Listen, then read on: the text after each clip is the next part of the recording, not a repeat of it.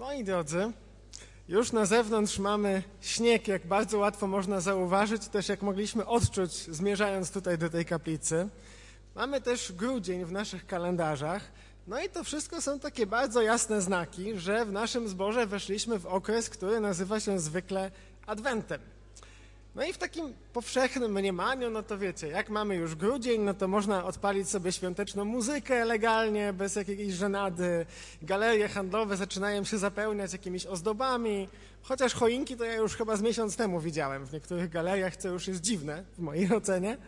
Ale w każdym razie sądzę, że pomimo tej powierzchowności, którą widzimy na zewnątrz kościoła, to wierzę, że w kościele, wśród nas, wśród braci i sióstr, ten okres ma znacznie głębsze, bo duchowe jednak znaczenie. Dlatego, że jesteśmy w stanie oczekiwania. Ale na co? Na prezenty? Na wigilię? No, do jakiegoś stopnia tak, ale to nie jest najważniejsze. Ostatecznie jesteśmy w stanie oczekiwania z dwóch powodów. Z jednej strony żyjemy w świetle pierwszego przyjścia Chrystusa. Zwłaszcza teraz wracamy myślami do przeszłości, do Jego narodzin w Betlejem, które będziemy też wspominać jeszcze bardziej 25 e, grudnia. Ale z drugiej strony żyjemy też w takiej perspektywie przyszłego przyjścia Pana, tego drugiego przyjścia, paruzji. Wracamy, nie wracamy, ale może bardziej wyglądamy myślami w przyszłość, kiedy On przyjdzie w chwale wraz ze wszystkimi świętymi, aniołami i zatriumfuje na ziemi, a Jego królestwu nie będzie końca. I to moje dzisiejsze kazanie będzie takim e, pierwszym e, w krótkiej, bo dwuczęściowej serii kazań adwentowych, które zwykle tak zwyczajowo mamy w naszym zborze. I wraz z pastorem Janem chcemy się nad, e, pochylić nad taką ciekawą rzeczą, jaką jest oczywiście historia zbawienia, ale w takim specyficznym ujęciu, można powiedzieć. Dlatego, że zrobimy to w nietypowy sposób i mam nadzieję, że to wszystko pozostanie dzięki temu w waszych głowach i sercach. Dlatego, że przyjrzymy się tej Bożej opowieści o planie ratunku dla człowieka, idąc, tak można powiedzieć, od drzewa do drzewa. Bo nie wiem, czy wiecie, czy kiedykolwiek się nad tym zastanawialiście, ale w takich kluczowych momentach historii ludzkości ludziom towarzyszyły wyjątkowe drzewa. No bo zobaczcie, upadek człowieka wydarzył się za sprawą drzewa, drzewa poznania dobra i zła. Z kolei e, odkupienie człowieka dokonało też się za pośrednictwem drzewa, dokładniej drzewa krzyża, na którym umarł nasz Zbawiciel. I u kresu dziejów widzimy w końcu drzewo, jakim jest drzewo życia, do którego ludzkość na nowo uzyskała w Chrystusie dostęp.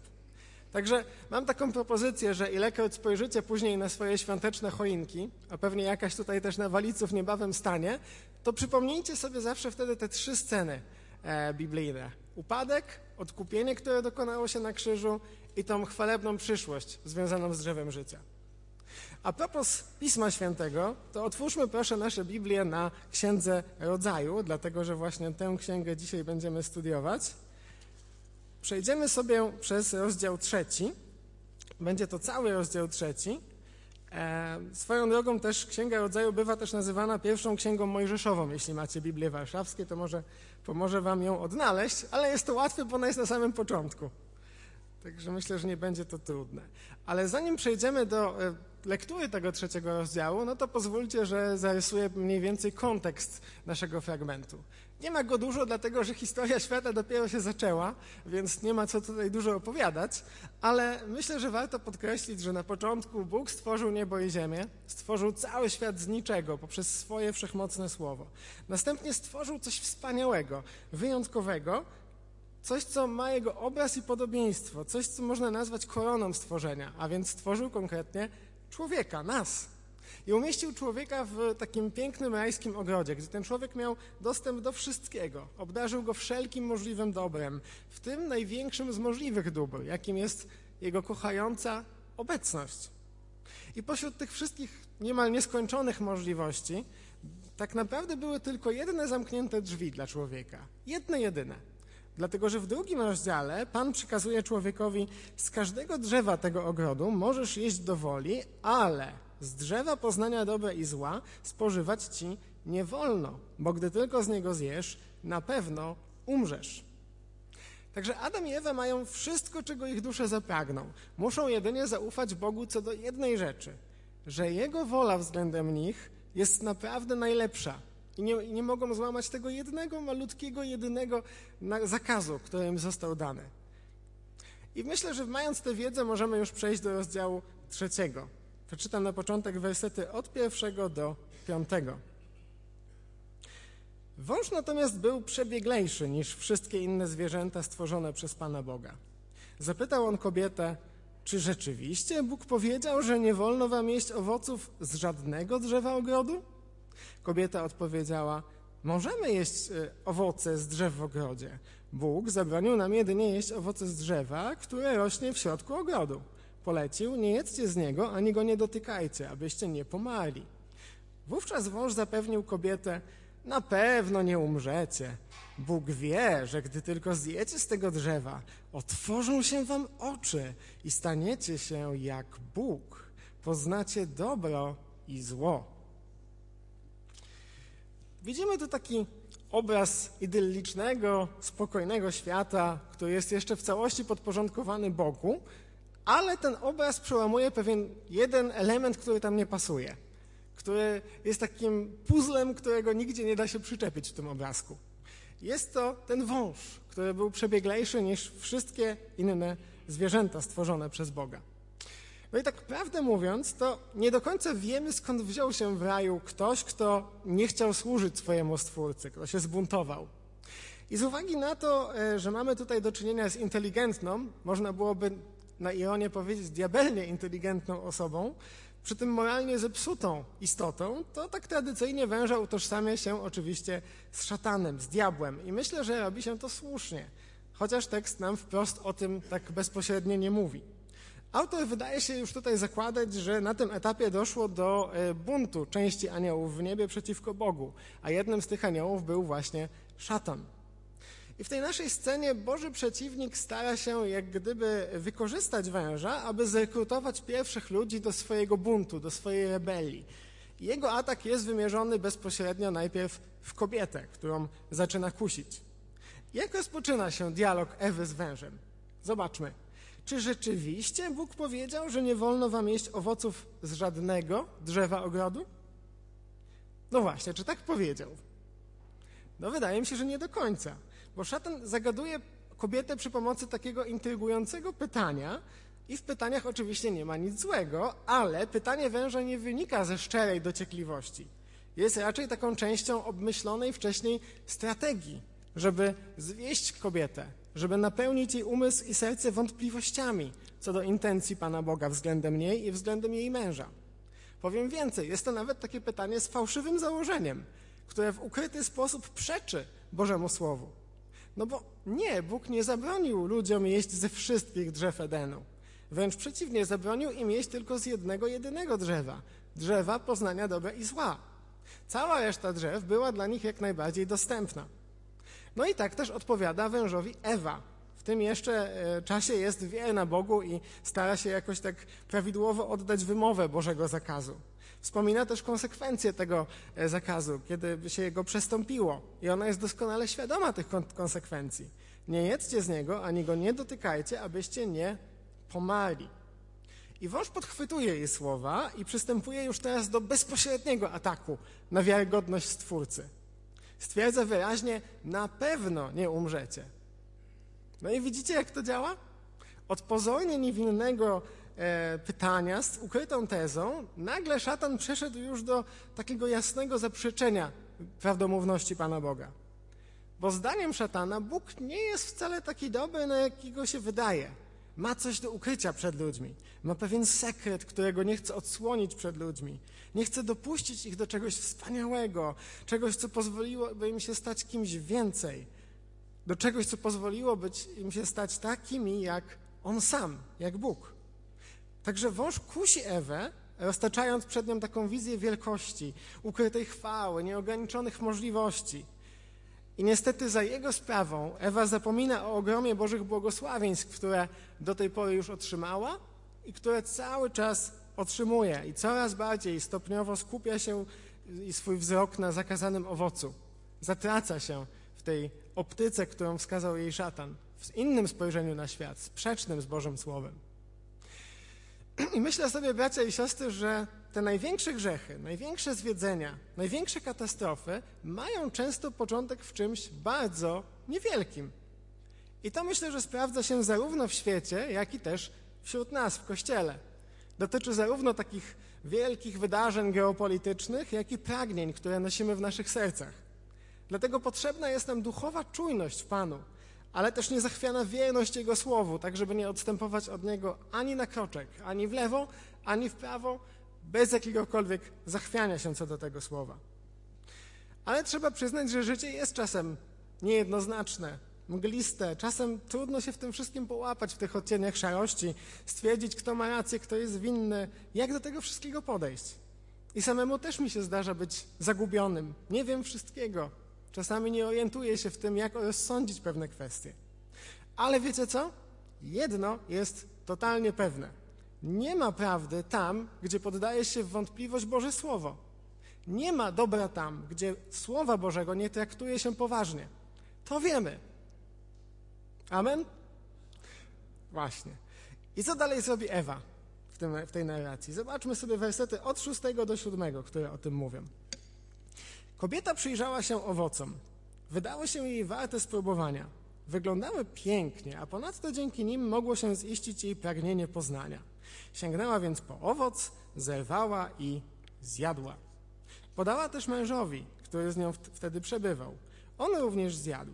Wówczas otworzyły się oczy im obojgu i zobaczyli, że są nadzy. Spletli więc figowe liście i sporządzili sobie z nich przepaski.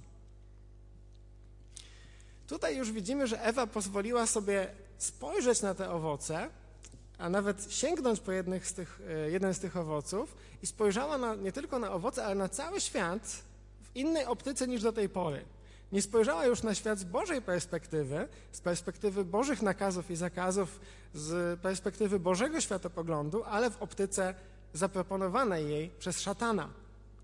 I od tej pory nie widzi już w tym drzewie poznania dobra i zła jakiegoś zagrożenia, czegoś, co mogłoby ją oddalić od Boga, czy, czymś złym, czegoś złego, czegoś, co mogłoby sprawić, że ona straci to, co posiada. Widzi w tym już raczej obiekt godny pożądania. I tą namowę do zjedzenia owocu ze strony węża postrzega już nie jako jakąś próbę zwiedzenia jej, ale raczej jako kuszącą propozycję, którą warto rozważyć, może dla własnego dobra, może dla dobra jej męża. I w tej optyce zakazane owoce wydają się jej zachęcające. Dla wszystkich jej zmysłów jawią się jako smaczne, piękne, a co najważniejsze, apelują do jej ja, do jej ego, dlatego że dzięki nim mogło się ziścić jej pragnienie poznania, jak czytamy, którego tak bardzo Ewa pragnie, stać się niezależną od Boga, poznać coś, co Bóg przed nią ukrywa, tak żeby móc się w końcu z nim zrównać. Sięgnęła po owoc, zerwała i zjadła. Podała też mężowi, który z nią przebywał. On również zjadł. I w tym jednym małym, krótkim wersecie ujęta została wielka tragedia upadku człowieka. Mąż Ewy, Adam, na domiar złego jest obecny podczas tej rozmowy z, męż, z wężem, bo czytamy o tym, ale mimo to, że widzi wszystko na własne oczy, grzeszy biernością, zupełnie nie chroni swojej żony przed złem. I jeszcze jakby tego było mało, daje się wciągnąć w to odstępstwo od Bożego przykazania, od Bożych dróg. Wówczas otworzyły się im oczy obojgu i zobaczyli. I zobaczyli. No, co zobaczyli? Zobaczyli całą tą wspaniałość chwały, którą Bóg przed nimi ukrył? Zobaczyli może swoją potęgę, wielkość, którą teraz posiadają? A może zobaczyli jakąś tajemną wiedzę, dzięki której teraz będą mogli dorównać Bogu? No niestety nie. Zobaczyli, że są nadzy. Ten grzech, który do tej pory wydawał się taki atrakcyjny, taki miły, taki budzący e, pożądanie i którego tak bardzo chcieli, on przyniósł nic innego jak tylko rozczarowanie, cierpienie, upokorzenie. Generalnie nic ciekawego. I chociaż Pan ogłosił, e, nie ogłosił jeszcze kary do tej pory, nie powiedział jeszcze, co się stanie w związku z tym, że Adam i Ewa zgrzeszyli, to widzimy, że konsekwencje ich grzechu już za nimi idą, już ich ścigają i doganiają ich. Przede wszystkim najpierw w postaci głębokiego, mocnego wstydu. I tak jest zresztą też z każdym grzechem, który my popełniamy, z naszymi grzechami. W tym miejscu też znajdują swój początek takie różne próby naszego samozbawienia. Bo ta nagość, o której tu mowa, nie jest tylko fizyczna. A wiemy to z tego, że Adam i Ewa wcześniej byli nadzy, tylko im to nie przeszkadzało. Tutaj, mimo że nic się w ich ciele nie zmienia, nagle pojawia się jakiś problem. Więc ta nagość jest przede wszystkim problemem duchowym. Jak reagują Adam i Ewa? Spletli więc figowe liście i sporządzili sobie z nich przepaski. Czyli żeby ukryć tą swoją nagość, tą nachalną, samotną nagość, nasi prarodzice próbują ratować się sami. Usiłują jakoś zakryć źródło swojego wstydu, aby nikt tego nie widział, aby Bóg przede wszystkim ich nie zobaczył w tym stanie. I zamiast wrócić do swojego Pana, zamiast zapłakać nad swoim stanem, zamiast powierzyć to Bogu, niezależnie od błędów, które popełnili, to własnoręcznie robią sobie raczej okrycia z liści figowych. Jak reaguje na to wszystko Pan Bóg? Przeczytajmy wersety od ósmego i dalej, aby się o tym przekonać. Wkrótce jednak usłyszeli Pana Boga. Przechadzał się on po ogrodzie w powiewie dnia. Słysząc to, człowiek ukrył się wraz z żoną przed Panem Bogiem między drzewami ogrodu. Jednak Pan Bóg zaczął wołać człowieka: Gdzie jesteś? A on na to: Usłyszałem, że jesteś w ogrodzie i przestraszyłem się, bo jestem nagi. Dlatego ukryłem się. Kto ci powiedział, że jesteś nagi? zapytał Bóg. Czy zjadłeś owoc z drzewa, z którego zakazałem ci jeść? Człowiek odparł: To kobieta, którą mi dałeś, aby była ze mną. Ona dała mi owoc z tego drzewa i zjadłem. Pan Bóg zwrócił się do kobiety. Cóż ty takiego zrobiłaś? Wąż mnie zwiódł, wyjaśniła, i zjadłam. Czyli na tę scenę tutaj wkracza nieoczekiwanie Pan Bóg. Nie kto inny, jak właśnie sam Stwórca świata, ten, który stworzył Adama i Ewę, który obdarzył ich wszelkim możliwym dobrem. I wraz z Jego obecnością daje o sobie znać kolejne tragiczne następstwo grzechu, które możemy dostrzec między wierszami tego, co przeczytaliśmy. Bo o ile wcześniej człowiek żył w przyjaźni z Bogiem, lgnął ku Niemu, widział w Nim swoje szczęście, źródło swojej radości, pokoju, to coś się teraz zmieniło. Coś już jest nie tak. Bóg, wcześniej, który był tak bliski ludziom, wydaje się teraz obcy. Dawniej poczucie Jego obecności przynosiło pokój, a teraz jest związane z czymś innym, z przerażeniem.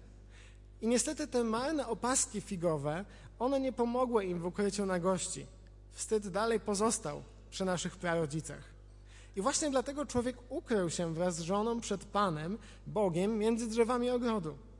Ale chociaż człowiek ucieka przed Bogiem, stara się przed nim ukryć, to Bóg nie rezygnuje z człowieka, ale szuka go i woła: Gdzie jesteś? Gdzie jesteś, Adamie? Gdzie jesteś, Ewo? I podobnie my, kiedy wiemy, że zgrzeszyliśmy, próbujemy ignorować jakoś Pana Boga, oszukujemy sami siebie, to mimo to, mimo że wypieramy nasze wyrzuty sumienia, my nie możemy pozostać spokojni. Zwłaszcza jeśli działa w nas Duch Święty, jesteśmy ludźmi wierzącymi. Słyszymy raczej ten rozbrzmiewający w naszych sumieniach głos, jak echo, które się rozchodzi w naszych głowach. Gdzie jesteś? Gdzie jesteś? Coś ty takiego zrobił. Przyjdź do mnie, nie uciekaj. Bracia i siostry, nie zagłuszajmy tego głosu, kiedy go słyszymy. Nie udawajmy, że to nasze myśli, nie udawajmy, że to nam się przywidziało, przysłyszało, ale zwróćmy się do Pana z tym naszym stanem. I kiedy Pan znajduje Ewę i Adama, dochodzi do konfrontacji, podczas której Bóg jak gdyby ich przesłuchuje, zadaje pod rząd wiele pytań, jedno po drugim. I dzięki tym pytaniom grzeszne nastawienie ich serca jeszcze bardziej się ujawnia, staje się coraz bardziej oczywiste. I kiedy Bóg pyta mężczyznę, czy zjadłeś owoc z drzewa, z którego zakazałem ci jeść, to jaką odpowiedź otrzymuje? No tak mniej więcej parafrazując, to jej wina, to wszystko wina tej kobiety, nie moja, to, to ona mi kazała, to, to, to ją zapytaj. Mniej więcej coś takiego. Zrzucanie winy, zrzucanie winy na swoją żonę. I na domiar złego jeszcze są takie tutaj słowa kobieta, którą mi dałeś. Tak jak gdyby Adam sugerował, że to po części jest też Boża wina, że on dał tutaj tą żonę, ona go zwiodła, więc to nie jest jego odpowiedzialność. Skoro dałeś mi tę kobietę, która mnie zwiodła, to licz się, Panie Boże, z konsekwencjami. Co wygląda jeszcze straszniej niż wcześniej. Więc Bóg się zwraca do kobiety. Cóż ty takiego zrobiłaś? I jaką odpowiedź słyszy po jej stronie z kolei? No myślę, że bardzo podobną. Spotyka się z identyczną postawą. To wina mojego męża, to on mnie zwiódł. To wszystko przez niego tak naprawdę, przepraszam, to wina węża, e, to on mnie zwiódł, to wszystko przez niego. Czyli wypieranie swojej winy mamy tutaj tego rodzaju, porzucanie odpowiedzialności, unikanie konfrontacji z rzeczywistością, mimo że ona wydaje się jasna jak słońce, że zgrzeszyli, że przestąpili jasny Boży zakaz. Moi drodzy, czy nam, synom Adama, córkom Ewy, nie jest tak łatwo się utożsamić z tą historią? Czy my nie postępujemy bardzo podobnie, żeby nie powiedzieć identycznie czasami? Tyle lat minęło, tyle lat, a zarówno ja, jak i ty zachowujemy się niestety bardzo podobnie do Adama i Ewy. Również dzisiaj, w 2023 roku. Po przesłuchaniu ludzi przyszedł czas na głównego delikwenta, głównego sprawcę całego zamieszania, a więc węża. Przeczytajmy więc wersety 14 i 15 w naszej historii. Pan Bóg zatem zwrócił się do węża. Ponieważ to uczyniłeś, będziesz szczególnie przeklęty wśród bydła i dzikich zwierząt. Będziesz pełzał na brzuchu i karmił się prochem przez resztę dni swego życia. Wzbudzę też nieprzyjaźń między tobą i między kobietą, pomiędzy twoim potomstwem i między jej potomstwem. Ono zrani ci głowę, a ty zranisz mu piętę. Tutaj jest pewna różnica. Bo o ile wcześniej Pan wchodził w dialog z Adamem i Ewą, to tutaj nie wchodzi w dialog z wężem, ale tylko ogłasza, ogłasza sąd nad nim. I od tego czasu wąż staje się takim symbolicznym ucieleśnieniem szatana, przeciwnika człowieka, który od wieków walczy ze stworzoną przez Boga ludzkością. Chce dla niej źle, chce jej potępienia, chce, aby cała trafiła do piekła, chce ze sobą zabrać jak największą liczbę ludzi. A jednak ten wąż E, szatan, zostaje upokorzony, a Bóg z góry zapowiada, kto zwycięży w tej wielkiej, wielowiekowej walce.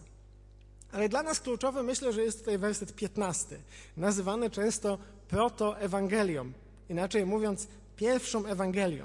Dlatego, że tutaj po raz pierwszy na kartach Biblii spotykamy się z Bożą obietnicą odkupienia człowieka, pokonania zła, odwrócenia tych wszystkich skutków upadku, które niebawem zostaną zapowiedziane. Bóg zapowiada, że wzbudzi nieprzyjaźń, czy też wrogość, konflikt między e, wężem i między kobietą, ale nie tylko między nimi. Wzbudzi ją też między jego potomstwem, potomstwem węża, a jej potomstwem, czyli wszystkimi ludźmi, potomstwem Ewy. Następuje taki wyraźny podział na dzieci Boże, dzieci diabelskie. Na tych, którzy stoją przeciwko Bogu, na tych, którzy są po Bożej stronie. I dlatego też apostoł Paweł w liście do Rzymian myślę, że nawiązuje do tych słów, dlatego że mówi, że Kościół Boży, lud Boży odniesie ostateczne zwycięstwo nad swoimi wrogami, nad samym diabłem. A Bóg pokoju szybko zetrze szatana pod waszymi stopami. Czytamy w ostatnim rozdziale listu do Rzymian.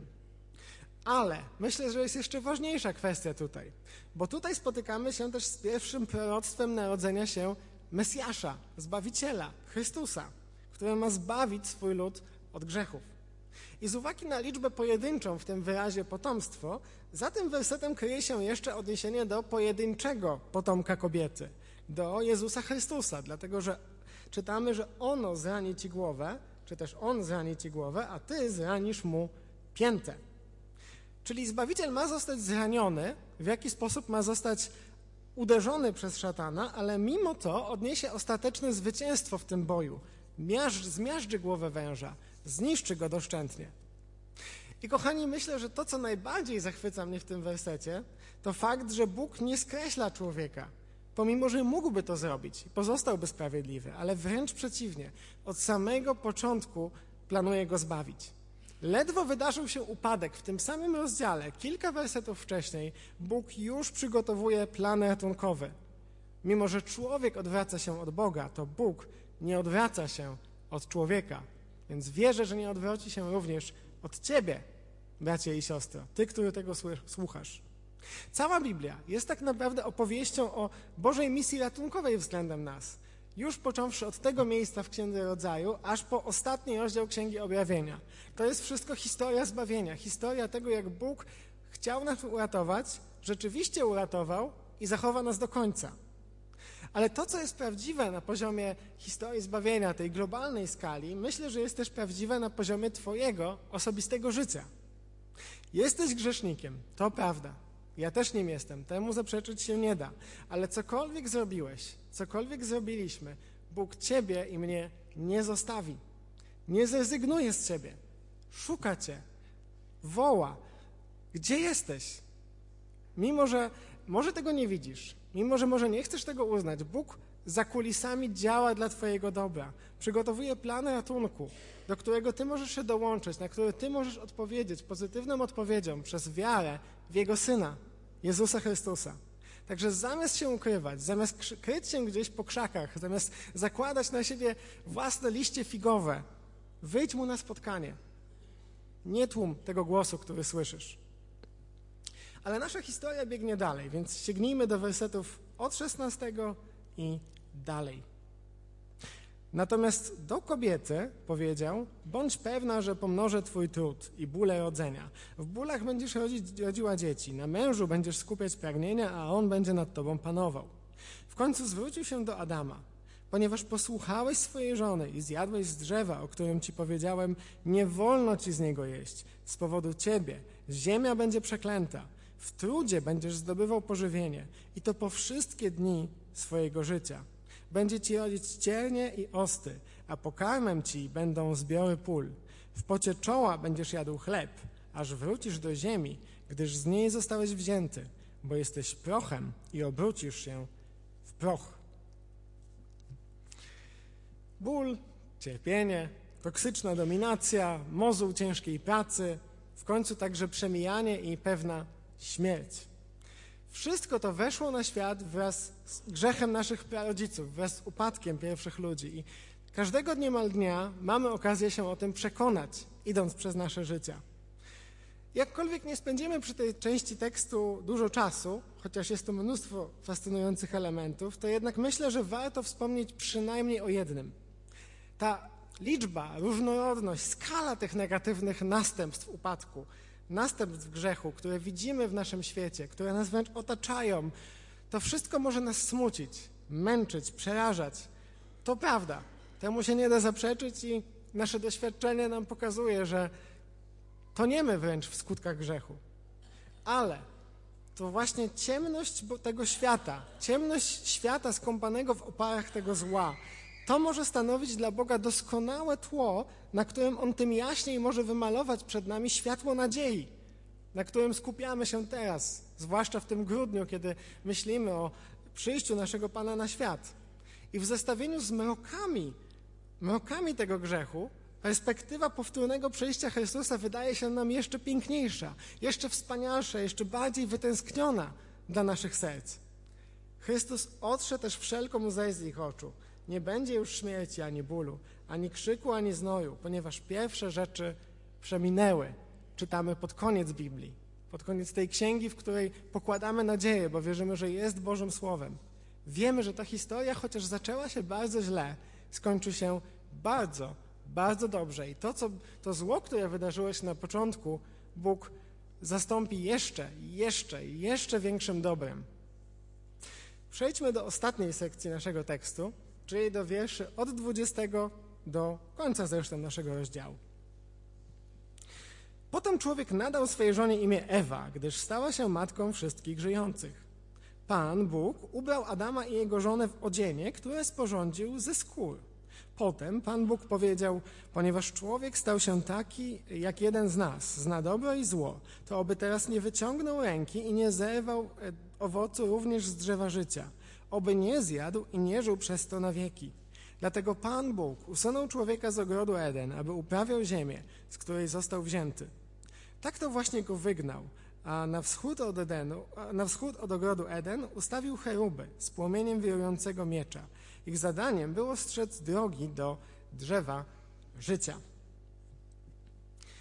Pomimo tego gorzkiego przekleństwa, które mogliśmy usłyszeć przed chwilą, Bóg nie zostawia pierwszych ludzi bez nadziei. Życie nie kończy się. Będzie trudniejsze niż do tej pory, to prawda, ale będzie toczyć się dalej. Dlatego Adam nazwał swoją żonę Ewą, bo stała się ona później matką wszystkich żyjących. I każde kolejne dziecko Ewy przynosiło nadzieję. Z jednej strony dlatego, że narodził się na świecie nowy człowiek, co już samo w sobie jest radością, ale niosło też po drugie nadzieję na przyjście Mesjasza, na spełnienie się protoewangelii, na spełnienie się tej pierwszej Ewangelii, że nadejdzie ktoś, kto wyzwoli świat od grzechu, zła, cierpienia i szatana. Tymczasem w wersecie 21 widzimy taki przejaw Bożej troskliwości.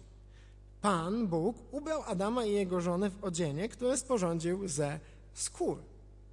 A pamiętacie, w co się wcześniej sami ubrali Adam i Ewa? No właśnie, w przepaski, w liście, te liście figowe, które na siebie sami założyli, które sami sobie zrobili.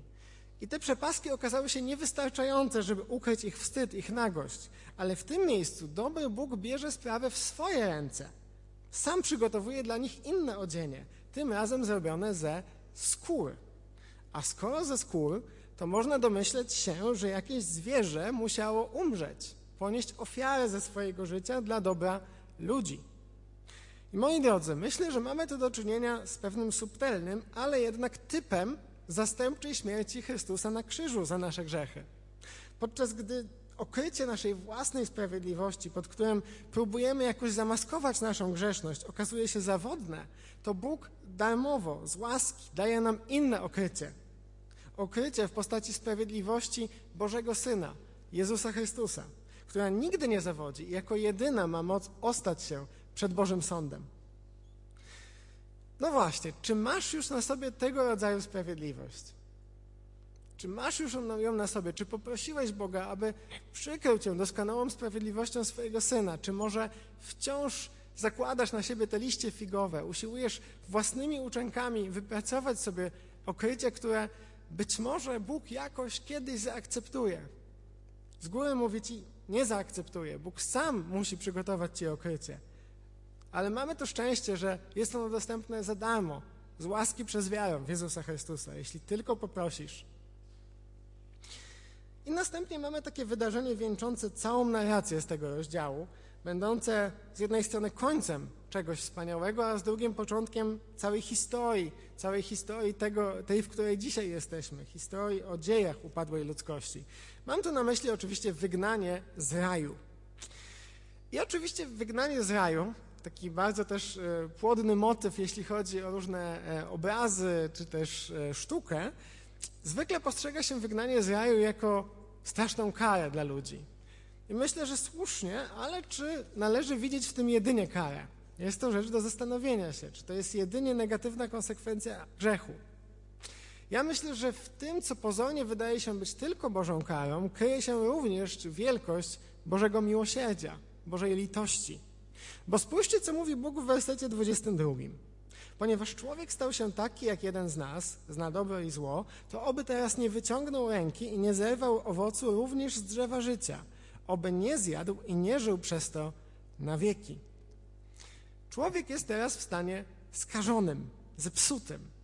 Jego pragnienia są złe. Jego relacje z Bogiem, z bliźnimi, z samym sobą są nadszarpnięte. Także gdyby Pan pozwolił człowiekowi pozostać w Edenie i utrzymać dostęp do drzewa życia, to człowiek żyłby na wieki, przez wieczność w tym obrzydliwym, podłym stanie.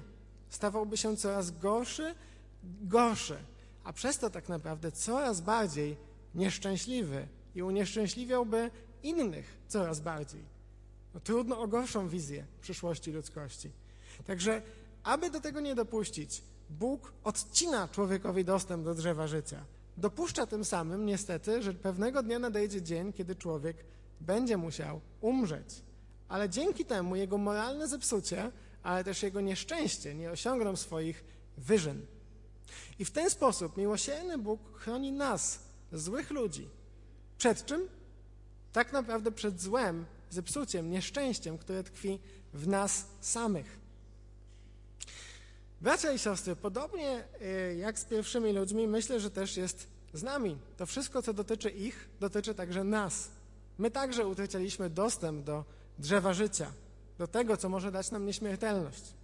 Od tamtej pory śmierć jest taką smutną koniecznością, z którą próbujemy jakoś się pogodzić, próbujemy z nią żyć, bezskutecznie próbujemy jakoś pogodzić się z tym, że przeminiemy.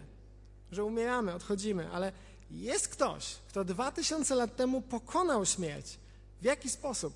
Tak, że dobrowolnie oddał swoje życie na ofiarę. Poprzez własną śmierć paradoksalnie zwyciężył śmierć, a przez to rzucił światło na życie i nieśmiertelność. I tą osobą jest oczywiście nasz Pan i Zbawiciel, Jezus Chrystus. Tam, gdzie my zawiedliśmy, On nie zawiódł, okazał się niezawodny. Będąc kuszony przez diabła na pustyni, nie uległ mu tak jak Adam, ale w chwili próby wytrwał przy Bogu, swoim Ojcu. I tak jak drzewo poznania dobra i zła przyniosło nam przekleństwo, to On zdjął z nas to przekleństwo, włożył je na siebie i zaniósł je z powrotem na drzewo, tym razem na inne drzewo, drzewo krzyża. W pierwszym liście Piotra, w drugim rozdziale, czytamy o Jezusie Chrystusie. On grzechy nasze sam na ciele swoim poniósł na drzewo, abyśmy obumarwszy grzechom dla sprawiedliwości żyli. Jego sińce uleczyły was. On poniósł nasze przekleństwo, nasze grze, nasz grzech, nasze nieszczęście, zepsucie, wszystko, czego się wstydzimy, na drzewo krzyża i umarł na nim, aby na nowo otworzyć nam dostęp do drzewa życia. Jeśli więc jesteś w Chrystusie, to wina, wstyd, strach przed śmiercią nie muszą już Ciebie dotyczyć, jeśli tylko jesteś w Nim.